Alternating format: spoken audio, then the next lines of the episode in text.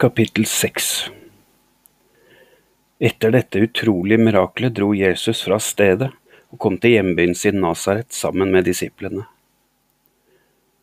Da det ble hviledag, gikk han til synagogen for å undervise, og mange ble overrasket over visdommen hans og de miraklene han gjorde med folk som han la hendene på. Hvor har han alt dette fra, sa de. Han er jo bare en vanlig snekker. Maria sin sønn, broren til Jakob, Joses, Judas og Simon, og søstrene hans bor jo også midt iblant oss. Og mange blir irritert og sint på ham. Så sier Jesus, en profet som bringer Guds budskap, blir anerkjent overalt, bortsett fra i sin egen hjemby, blant sine egne slektninger og sin egen familie. Og ettersom folk i Nasaret ikke trodde på ham, kunne han ikke gjøre noen mirakler der. Han helbredet bare noen få syke ved å legge hendene på dem. Han var forundret over at folket ikke ville tro på ham. Litt senere dro Jesus rundt i byene og underviste. Han kalte til seg sine tolv disipler, sendte dem ut to og to, og ga dem makt til å drive ut onde ånder. Han sa, dem, sa til dem at de ikke skulle ta med seg noe annet på veien enn en stav. De fikk ikke ta med mat, ikke noe væske, ikke penger, ikke ekstra sko, ikke ekstra klær. Når dere får et tilbud om å overnatte hos noen, så kan dere stoppe og være der fram til dere skal fortsette til neste by. Men dersom folket på et sted ikke vil ta imot dere, og ikke vil høre på dere, da kan dere bare gå videre og ikke være bekymra mer for dem, ikke tenk mer på dem, bare rist støvet av føttene som et tegn på at innbyggerne selv må ta ansvaret for det de har gjort. Disiplene gikk nå av sted, og overalt der de kom, oppfordret de folket til å forlate syndens vei og vende om til Gud. De drev ut mange onde ånder og salvet mange syke med olje, og de ble helbredet.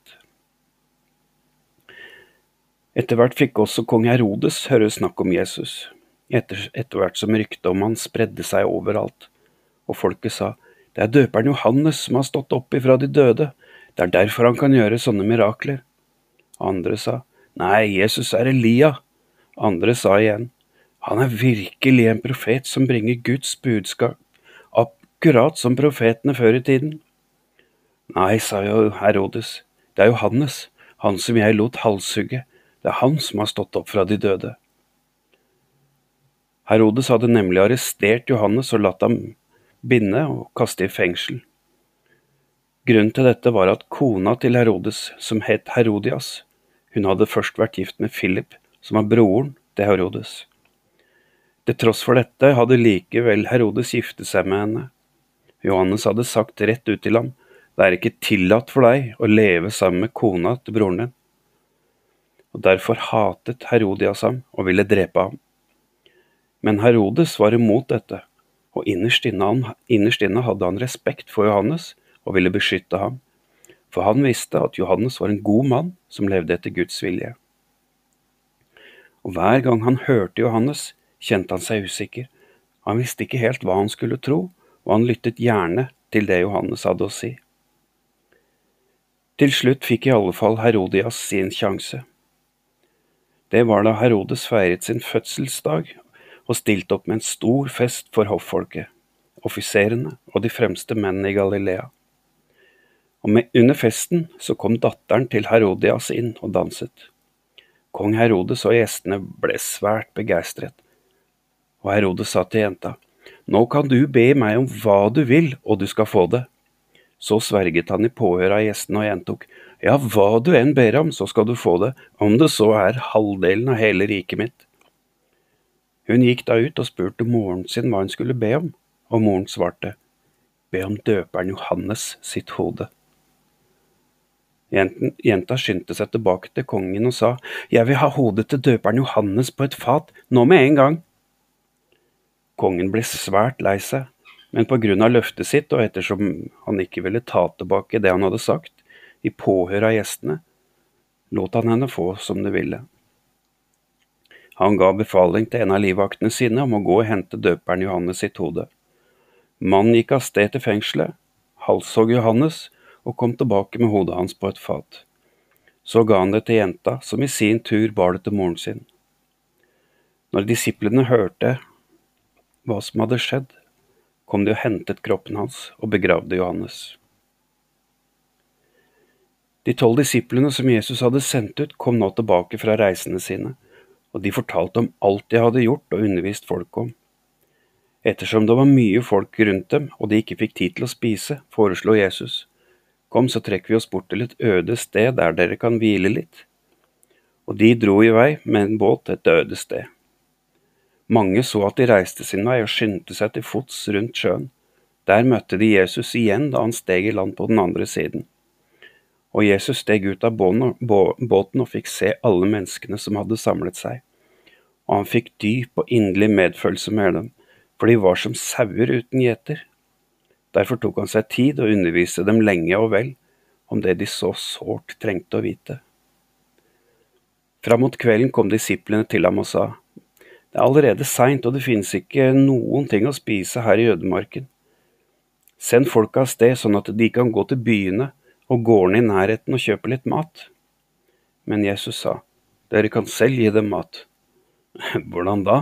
sier disiplene. Det ville jo koste en formue å kjøpe mat alle sammen. Hvor mye mat har dere? Gå og se etter, sier Jesus.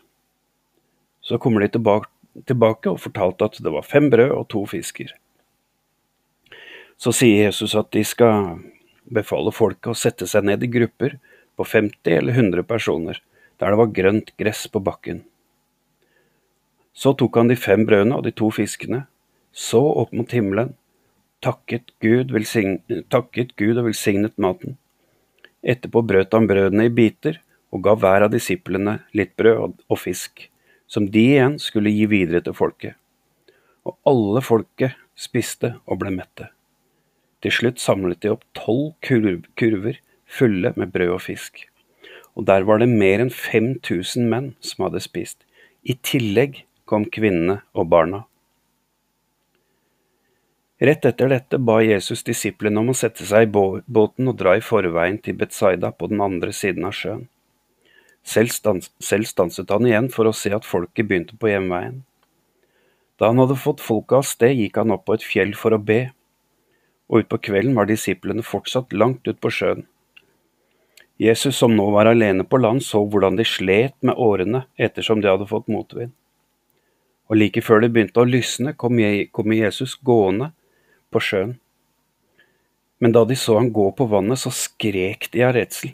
De trodde det var et spøkelse. Alle så Jesus og ble livredde. Jesus snakket til dem og sa, Men ro dere ned, da, det er jo bare meg, vær ikke redde. Så steg han opp i båten til dem, og i samme øyeblikk la vinden seg. Disiplene var ute av seg av forundring. De hadde ennå ikke fattet hvem Jesus var, og hadde vanskelig for å tro, til tross for det store miraklet kvelden før, da hele folket hadde fått brød å spise. Da Jesus og disiplene hadde dratt over sjøen, kom de til Genesaret og gikk i land.